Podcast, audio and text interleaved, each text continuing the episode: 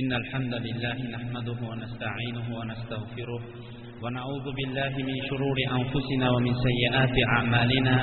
من يهده الله فلا مضل له ومن يضلل فلا هادي له. وأشهد أن لا إله إلا الله وحده لا شريك له وأشهد أن محمدا عبده ورسوله.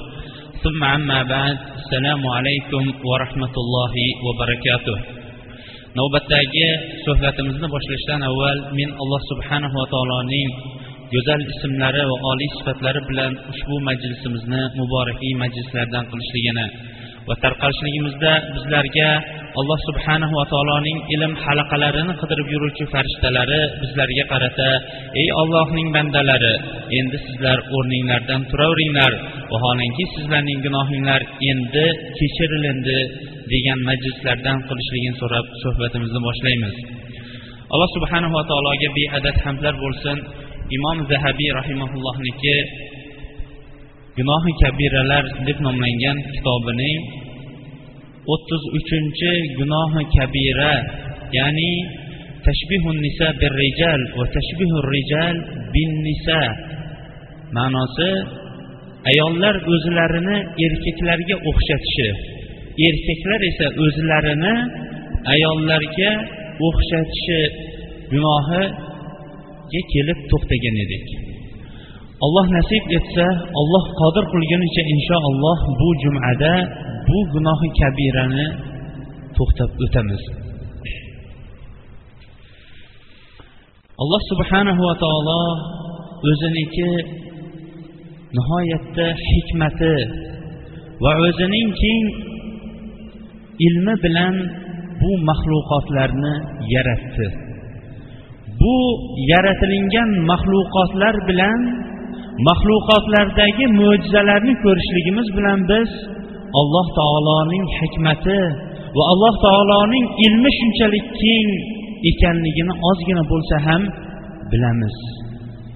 Bu alloh subhanahu va taolo maxluqotlarni yaratar ekan ba'zi maxluqlarni ba'zilaridan afzal ba'zi maxluqlarni ba'zilaridan ortiqroq va farqliroq qilib yaratdi. Alloh subhanahu va taolo bu maxluqlar ichida eng mukarram bo'lmish maxluq inson toifasini erkak va ayol jinsidan yaratdi. Alloh subhanahu va taolo bu haqida shunday deydi. Astag'billah يا أيها الناس اتقوا ربكم الذي خلقكم من نفس واحدة وخلق منها زوجها وبث منهما رجالا كثيرا ونساء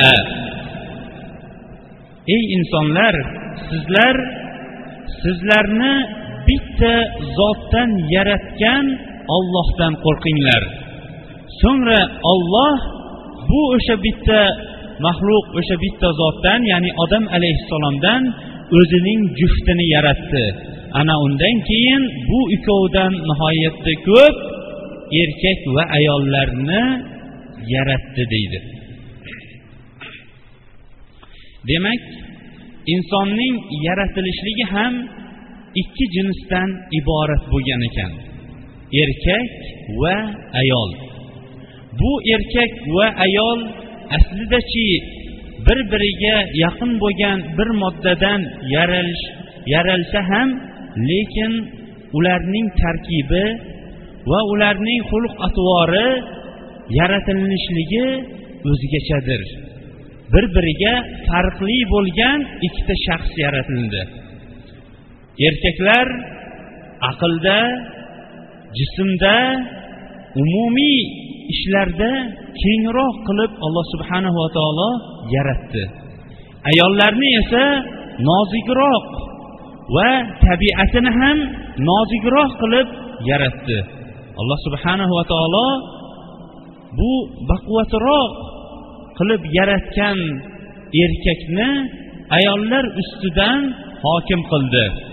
Aytdiki billah ar-rijalu qawwamuna 'alan nisa erkaklar ayollar ustidan qoimdir dedi. Ha odatda har bir oilada ham umumiy jamiyatlarda ham zaif odamlar baquvvat odamlarga taqlid qilishadi.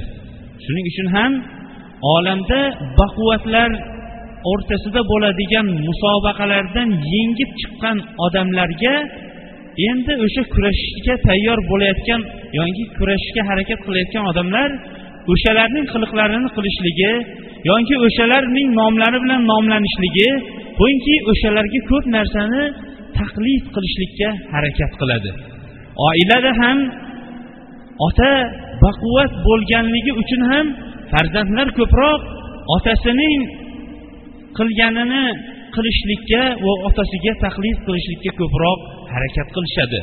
Ilm sohasida esa ko'proq ilmlik va amallik bo'lgan odamlarga ergashishlikka talabalar harakat qilishadi. Qo'yingki har bir sohada ham o'sha soha egasi o'zidan baquvvatroq bo'lgan toifaga yoki zotga ergashishlikka harakat qilganiga o'xshash insonlar ham aslida o'zidan talab qilinilgan shariatimiz talab qilgan narsa insonlarniki taqvo va amali solihda bir birlari bilan musobaqa o'ynashliklari kerak edi. Alloh subhanahu va taolo aytadiki mana shunday solih amallarda bir biridan musobaqa o'ynashuvchilar haqiqatdan ham bular endi musobaqa o'ynashadi deydi. Ammo teskarisi bo'lsachi masalan aytaylikki nihoyatda katta qishloqning yoki shaharning o'rtasida to'rtta do'koni bo'lgan odam dunyoviy masalalarda hech qachon ikkita yoki bitta ojizgina va zaif bo'lgan do'koni bo'lgan odamga hech kim taqlid qilmaydi. Balki o'nta o'n beshta do'koni bo'lgan odamga taqlid qilganiga qilishadi. Lekin ming afsuslar bo'lsinki hali biz tepada zikr qilib o'tgan alloh subhanava taolo o'zining hikmati bilan yaratgan mana bu baquvvat va kuchli zotlar o'zlaridan zaif bo'lganlarga ergashib ketishligi bu insonni nihoyatda o'ylantirib yo achintirib qo'yadigan amallardan bittasi. U qanday? U ham bo'lsa erkaklar ayollarga taqlid qilishligidir. Va ayollarning erkaklarga taqlid qilishligidir. Alloh subhanahu va taolo har ikkov jinsni yaratar ekan har ikkov jinsga munosib bo'ladigan amallarni va munosib bo'ladigan fe'l atvorni berib qo'ygandir.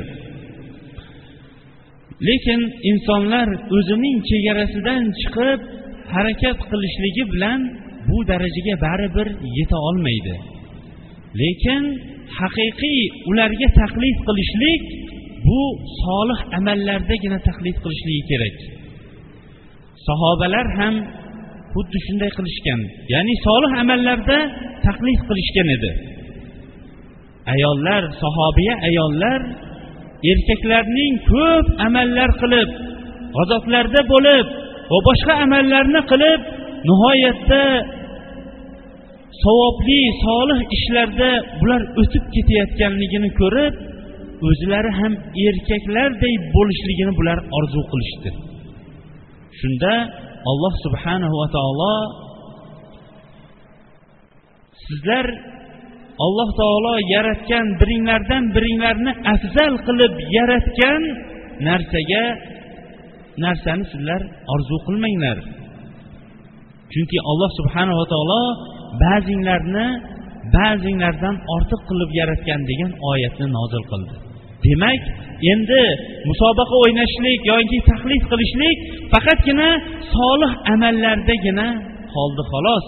Lekin ayollar qaniydi erkak bo'lsam erkaklar esa qaniydi ayol bo'lsam deb orzu qilishligi yoki harakat qilishligi islomda mutloq qaytarilib qoldi. Ammo o'sha amalni qilayotganlar uchun olloh va rasuli bir qancha vaidlarni va'da qildi. Inshaalloh o'sha vaidlarning ba'zilarini bugungi darsimizda o'qib o'tamiz. imom buxoriy abu dovud va termiziy va nasoiy va ibn majja ibn ibn abbos roziyallohu anhudan rivoyat qilgan hadisda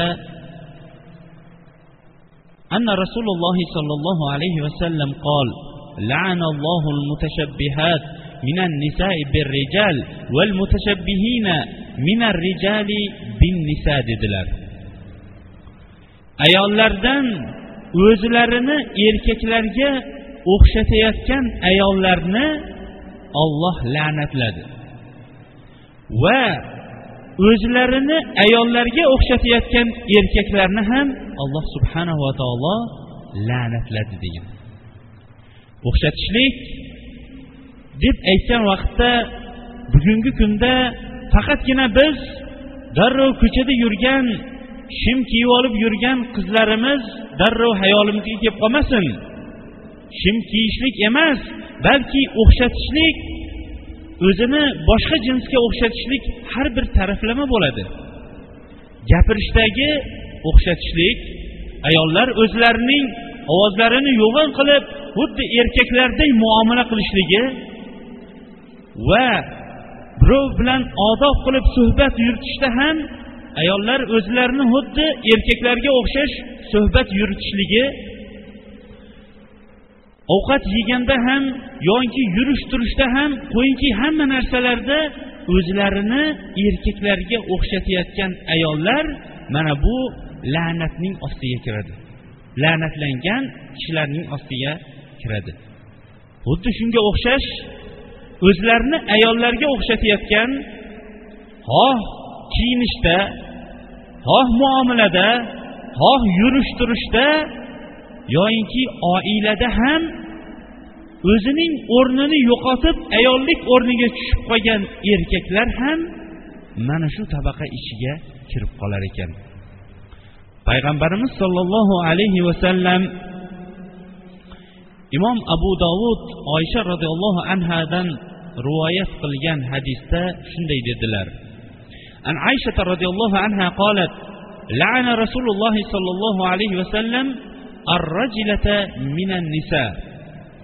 oysha roziyallohu anhu aytdilarki payg'ambarimiz sollallohu alayhi vasallam o'zlarini erkak simon qilib yuborgan ayollarni payg'ambarimiz sollallohu alayhi vasallam la'natladilar degan ekan. Imom abu dovud va nasoiy ibn majja va ibn hibban rivoyat qilgan hokim esa buni muslimning sharti bilan bo'lgan hadis degan hadisda عن أبي هريرة رضي الله عنه قال قال رسول الله صلى الله عليه وسلم لعن الله المرأة تلبس لبسة الرجل والرجل يلبس لبسة المرأة degan ekanlar ya'ni erkaklarning libosini kiyayotgan ayollarni alloh subhanahu va taolo la'natladi Va ayollarning libosini kiyayotgan erkaklarni ham alloh subhanahu va taolo la'natladi degan. Haqiqatdan ham hammamiz otamiz alhamdulillah. Hammamizning ham oilamiz farzandlarimiz farzandlarimiz ichida qizlarimiz bor balki o'g'illarimiz bor opa va singillarimiz bor. Ularning ham qanday libos kiyayotganligiga endi bugun bir e'tibor berib qo'yaylik. Qarindosh urug'imiz bor. Qarindosh urug'larimizning qizlari va farzandlari ham endi qanday libos kiyayotganiga bugun bir e'tibor berib qo'yaylik. Vaholanki biz yaxshilik qiladigan bo'lsak yaxshilikni faqatgina moddiy yaxshilik o'sha haqiqiy yaxshilik deb tushunib qolmaylik. Balki ma'naviy yaxshilik bu haqiqiy va dunyo insonning dunyo va oxiratini saodatga olib boruvchi yaxshilik bu o'sha yaxshilikdir. Biz o'zimizning qizlarimizga yoki farzandlarimizga olloh la'natlaydigan liboslarni kiydirib qo'yib ana undan keyin farzandlarimizga qanday qilib ota bo'lganligi bo'lganimizni yoki qanday qilib otalik huquqini bajarganligimizni biz endi davo qila olamiz. Vaholanki kim biron bir kishini biron bir yomon ishga chorlaydigan bo'lsa o'sha yomon ishni qiluvchi ham o'sha yomon ishga chorlab qo'yguvchi ham bir xil gunohni baravariga olishadi. Biz o'sha qizlarimizga yoki singillarimizga olib berayotgan shimlarimizning pulini aslidachi biz topib kelgan edik. Yoki biz o'shanga rozi bo'lib o'tirgan edik vaholanki uning hukmini alloh subhanahu va taolo la'natlagan deyaptilar payg'ambarimiz sollallohu alayhi vasallam. Xo'sh alloh subhanahu va taolo nima uchun o'zlarini erkaklarga o'xshatgan ayollarni yoyinki o'zlarini ayollarga o'xshatgan erkaklarni la'natladi? Birinchidan alloh subhanahu va taolo yaratib qo'ygan bu taqdir erkak va ayollik taqdiriga bular rozi bo'lishmadi. Olloh yaratgan taqdirga rozi bo'lmagan odamlar qanday qilib endi ollohning rahmatiga erisha olsin? Hammamiz ham farzandim farzandmiz. Agar farzandimiz biz aytgan narsaning birontasini qilmay ko'chadagi boshqa odamning aytganini qilib ketadigan bo'lsa biz bunga rozi bo'larmidik? Vaholanki alloh subhanahu va taolo erkaklarni erkak ayollarni ayol qilib yaratib erkaklarga xos yo'l yo'riq yurish turish muomala libosni berib qo'ygan bo'lsayu ayollarga ham xuddi shunday qilib qo'ygan bo'lsa lekin ollohning sunnati qonunidan chiqib turib boshqa qonunga harakat qilganlardan endi olloh qanday rozi bo'lsin? Ikkinchidan erkaklar o'zlarini ayollarga ayollar esa o'zlarini erkaklarga o'xshatishda jamiyatda fisqu fasod tarqaladi. Bu jamiyatda tarqalayotgan bu sababli tarqalayotgan fisqu fasodni bugungi kunda insonlarga tushuntirib berib o'tirishning hojati qolgani yo'q. Chunki insonlar buni endi tajriba qilib ham ko'rishdi. Agarki tajriba qilib ko'rmagan bo'lsa o'sha o'sha yoqdan kelgan yevropadan kelgan libos bo'ladigan bo'lsa bu odatlar yo odatlar bo'ladigan bo'lsa o'sha yoqning tajribasini bir o'qib ko'rishsin o'sha yoqdagi hayotni bir o'qib ko'rishsin ota bilan qiz farzand bilan onaning bemalol bu liboslar sababli qo'shilayotganligi va ko'chada zino va fahshning ko'payib ketganligi sababli davlatlar ham majbur yetimxonalarni ko'paytirishlikka majbur bo'layotganliklarini ham bir o'qib ko'rishsin. Lekin bugungi kunda bizning diyorlarda ham bu amal ko'payib ketganligi sababli ko'pchiligimiz o'qib ko'rishlikka uncha ehtiyojimiz yo'q. Atrofdagi holatga bir qarasak ham bo'ladi. Uchinchidan erkaklarning libosini kiyayotgan ayollar o'zlarining ayolligini yo'qotib qo'yishadi. Va oilada nihoyatda ko'p urush va janjal ko'payadi. Uning oqibatida esa oilaning buzilishligi ko'payadi. Bir qozonda ikki qo'chqorning boshi qaynamaydi deganlariday aslidachi ayol o'zining erkagiga to'liq ollohni buyurgan narsalarda ma'ruf ishlardagina itoat qilishligi kerak edi.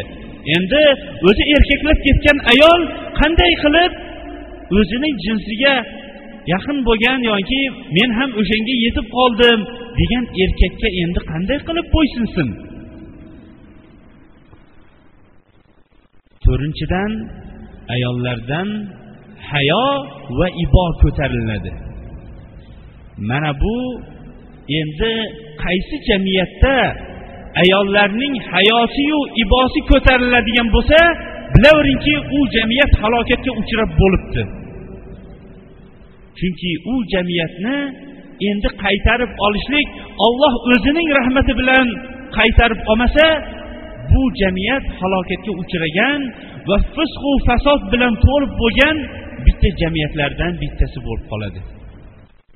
Yana erkaklar ayollarning libosini yoki erkaklar o'zlarini ayollariga o'xshatishi va ayollar o'zlarini erkaklarga o'xshatishdan bo'lgan zararlardan yana bittasi musulmonman deb turgan odamlar xoh xohlabmi yoinki xohlamaymi bilibmi bilmaymi o'zlarini boshqa millat boshqa dinlarga nisbat berib qo'ygan kishilardan bo'ladi. Chunki bizning ummatimizda bizning tariximizda bunday madrasa yoinki bunday insonlarni ayollarni erkaklarga erkaklarni esa ayollarga o'xshatish degan bizni tariximizda bo'lmagan. Bizni ota bobolarimiz o'zlarini momolarimiz esa o'zlarini erkaklarga bobolarimiz esa o'zlarini ayollarga o'xshatib yurishmagan. O'zlarini boshqalarga o'xshatganlar haqida payg'ambarimiz sollallohu alayhi vasallam an ibn umar roziyallohu anhu qol قال رسول الله صلى الله عليه وسلم من تشبه بغيرنا فليس منا أخرجه الترمذي imom termiziy ibn umar roziyallohu anhudan rivoyat qilgan hadisda payg'ambarimiz sollallohu alayhi vasallam aytdilarki kim bizdan boshqaga taqlid qiladigan bo'lsa o'zini o'xshatadigan bo'lsa bizdan emas o'shalardan dedi Muhaddislar aytishganki shart emas men falonchiga o'xshayapman deyishligi. Madomiki amali boshqalardan bo'ladigan bo'lsa u qiyomat kunida boshqalar bilan birga qo'porilib o'shalar bilan birga turaveradi degan. Ming afsuslar bo'lsinki bugungi kunda ham qarang otasi bu qizning otasi kim desa e falonchi buni otasi. Bobosi esa katta domla bo'lib o'tgan. Yoki nihoyatda allohning o'ziga ibodat qiluvchi nihoyatda mo'min kishi bo'lib o'tgan. Momosi esa falonchilarning qizlaridan bo'ladi degan odamlarning farzandlarini ko'rsangiz hozir musulmonlikdan alomati qolmaganmikin yoki bu ham musulmonlardanmikin deb qoladigan shubhaga qoladigan bir vaqtda yashab qolyapmiz. Nima uchun? Chunki ularning kiyayotgan kiyimlari boshqa ummatlarning kiygan libosi va la'natlangan liboslar bo'lganligi uchun. Yana bundan keladigan ziyonlardan bittasi agar biz o'zimizning ahillarimizga o'g'il qizlardan iborat bo'lmish farzandlarimizga bunday xoh libos bo'lsin xoh muomala bo'lsin mana bu narsani o'rgatib boraveradigan bo'lsak bu farzandlar kelajakda musulmonlarga g'azablanadigan va boshqa ummatlarni yaxshi ko'radigan bir qavm yetishib chiqadi. Ya'ni kiyimi boshqalarning kiyimi muomalasi boshqalarning muomalasi yurish turishi boshqalarning yurish turishi ana endi qarabsizki bular olloh va rasuliga unash u yoqda tursin xonadonning boshlig'i bo'lsa bo'lgan ota va onaga ham itoat qilmaydigan bir qavm yetishib chiqadi. Bu ham jamiyatda fasodning tarqalishining eng katta eshigining kalitlaridan bittasi bo'ladi. Boshqalarga yaxshi ko'rishlik yoinki kim yaxshi ko'rgani bilan birga bo'lishlik haqida imom muslim rivoyat anas ibn malik roziyallohu anhudan rivoyat qilgan hadisda an anas ibn malik أن أعرابيا قال لرسول الله صلى الله عليه وسلم متى الساعة قال له رسول الله صلى الله عليه وسلم ما أعددت له قال حب الله ورسوله قال المرء مع من أحب anas ibn malik roziyallohu anhu aytadiki payg'ambarimiz sollallohu alayhi vasallamga bir kuni bir arobiy kishi keldi kelib aytdiki ya rasululloh sollallohu alayhi vasallam qiyomat qachon bo'ladi? dedi. Bugungi kunda ham ko'pchilik qiyomat qachon bo'larkin? degan savolni gapirib qo'yadi. Payg'ambarimiz alayhissalomga bu savolni berganda aytdiki qiyomatga nimani hozirlab qo'ydingiz? dedi. Ha o'sha qiyomat qachon bo'larkin? deganlarga ham hozirligingiz bormi? desangiz o'sha o'rinda o'zlari javobni o'zlari topganga o'xshab qoladi. Payg'ambarimiz sollallohu alayhi vasallam ham qiyomatga nimani hozirlab qo'ydingiz dedi. Aytdiki bu arobiy qiyomatga olloh va rasulining muhabbatini hozirlab qo'ydim dedi. Boshqa rivoyatda men ko'p namoz ko'p ro'za va ko'p sadaqa qila olmaganman lekin olloh va rasulining muhabbatidangina umid qilaman degan. Shunda payg'ambarimiz sollallohu alayhi vasallam kishi oxiratda o'zi yaxshi ko'rgan kishilar bilan birga turadi dedilar. Kim olloh va rasulini yaxshi ko'radigan bo'lsa va alloh va rasuli ko'rsatib bergan yo'llanmada yuradigan bo'lsa ana qiyomatda o'shalar bilan birga qo'poriladi. O'shalar bilan bir safda turadi. Endi kim boshqa millatlarning libosini kiyadigan bo'lsa boshqa millatlarning urf odatlarini boshqa millatlarning muomalalarini qiladigan bo'lsa bora bora o'shalarni yaxshi ko'rib ketib qiyomatda ham o'shalar bilan birga qo'poriladi va o'shalar bilan birga turadi.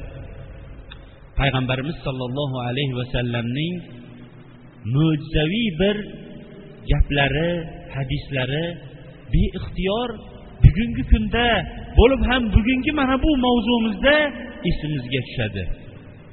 U ham bo'lsa payg'ambarimiz sollallohu alayhi vasallam ashoblarga qarab turib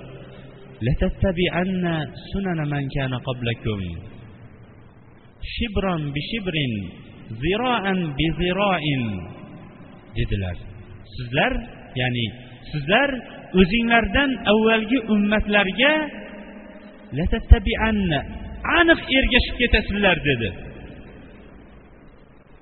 Qarishma qarich izma iz yurib ergashib ketasizlar. Hatto vob degan xuddi kaltakesakka o'xshaydigan hayvon bor bu arab jaziraligida yashaydi. O'sha vob hayvonining juhri uyasiga kirib ketadigan bo'lsa sizlar ham o'shanga kirib ketasizlar dedi.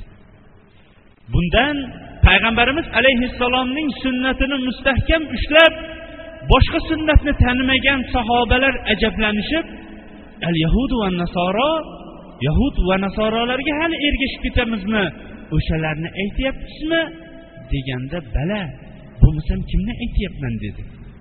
Bugungi kunda ham inson o'zini bir tekshirib ko'rsin. Payg'ambarimiz sollallohu alayhi vasallamning sunnatidan bizda nima qoldi? O'qiyotgan namozimizmi? Tutayotgan ro'zamizmi?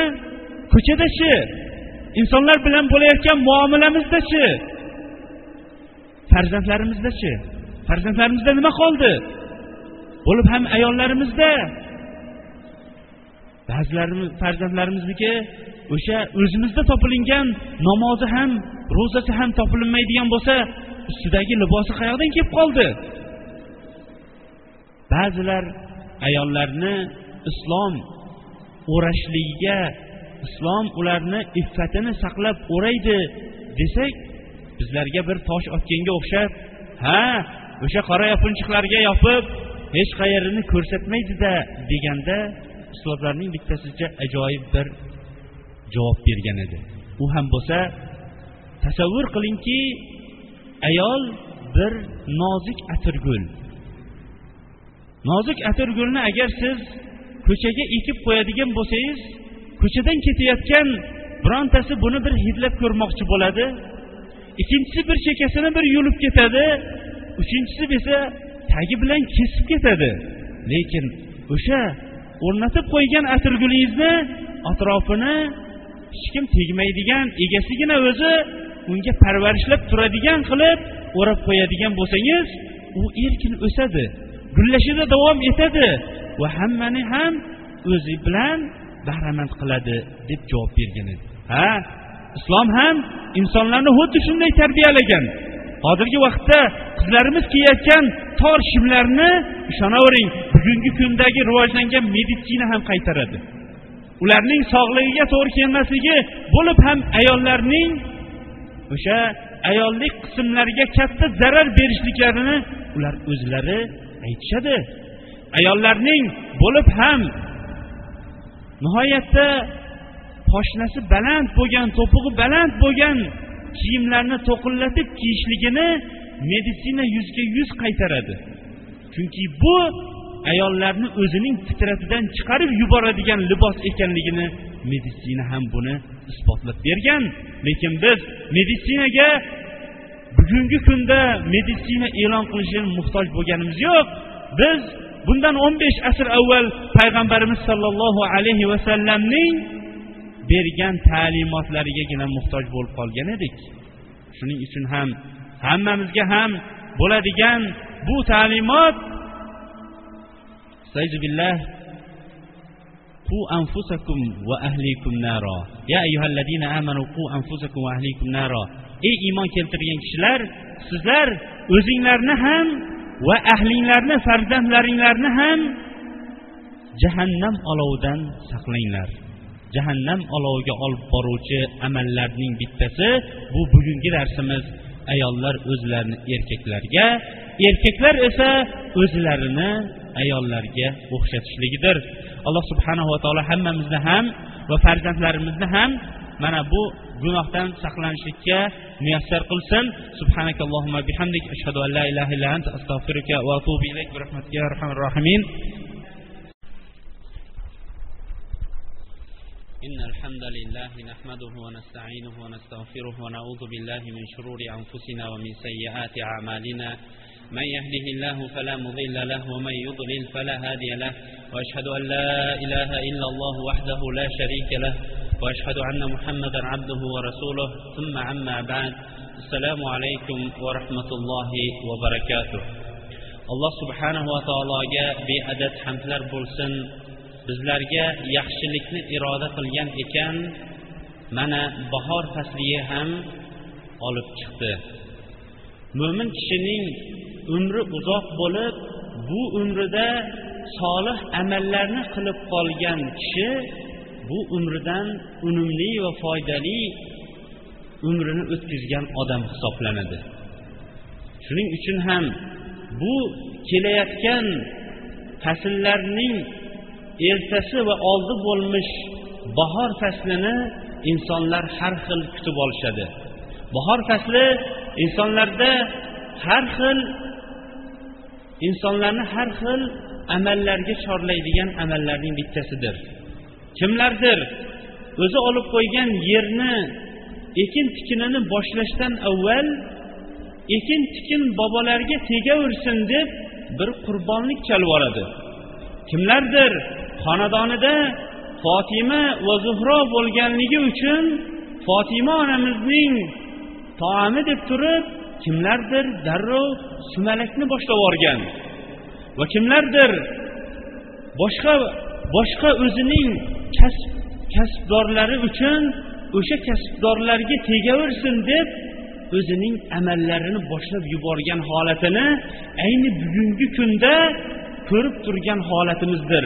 Bu ham ayni fiqul voqea voqeamizdagi muhim masalalardan bittasiga aylanib qoldi. Alloh subhanahu va taolo shunday deydi men jin va inson toifasini faqatgina o'zim uchungina ibodat qilishlik uchungina yaratdim deydi. Ibodat alloh subhanahu va taolo yaxshi ko'radigan va rozi bo'ladigan xoh oshkor xoh maxfiy amallarning hammasi bu ibodatdir.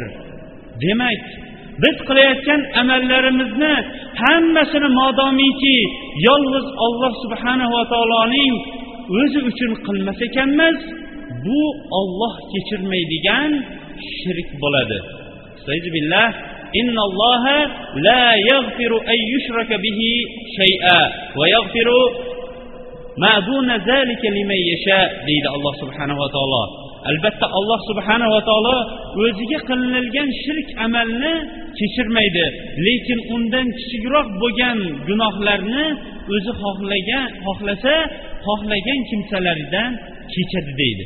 Demak holizdan serhosil olishligimiz uchun ham mevani beruvchi rizq beruvchini o'zigagina ibodat qilib o'zidangina so'rashligimiz kerakdir. Farzandni berganning o'zigagina ibodat qilib o'zidangina so'rashligimiz kerakdir.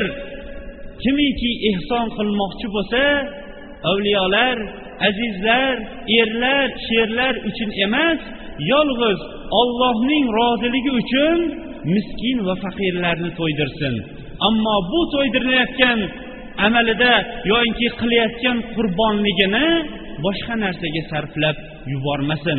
Vaholanki alloh subhanahu va taolo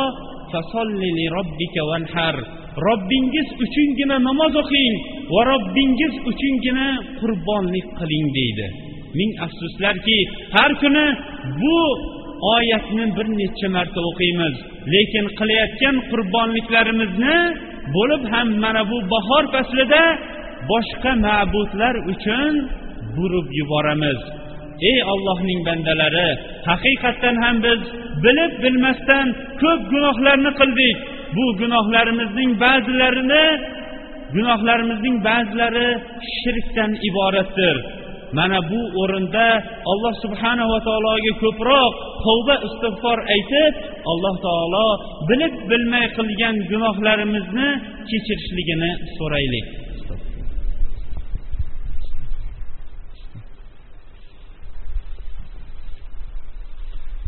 الحمد لله والصلاة والسلام على رسول الله بسم الله الرحمن الرحيم والعصر إن الإنسان لفي خسر إلا الذين آمنوا وعملوا الصالحات وتواصوا بالحق وتواصوا بالصبر الله سبحانه وتعالى من أبو qisqa oyatlar bilan bizlar uchun hayotimizda keng yo'l bo'ladigan dasturni bizga beryapti shuning uchun ham imom shofiy aytgan ekanki agar alloh subhanahu va taolo mana shu asr surasini o'zini nozil qilib qo'yganida butun bashariyat uchun shuning o'zi yetardi degan ekan.